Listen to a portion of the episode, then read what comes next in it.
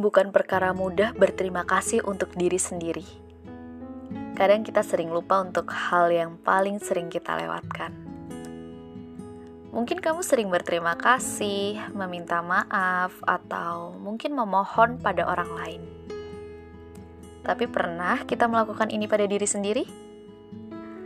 Kita lebih sering menuntut harus ini, harus itu, harus bisa A, B, C, D, pada diri sendiri tapi lupa berterima kasih kalau kita sudah berhasil. Kalau diri kita masih bisa marah, mungkin kita habis dicaci maki. Karena sudah diusahakan tapi tidak tahu terima kasih. Kalau gagal malah menyalahkan diri sendiri. Kasian. Semakin dewasa semakin sering dituntut ini itu. Biar bisa menuhin ekspektasi dunia.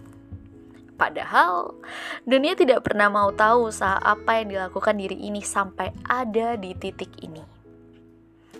Hal apa yang harus dikorbankan untuk menentukan pilihan. Pokoknya tahu jadi aja kalau sudah sukses. Coba kamu pikir.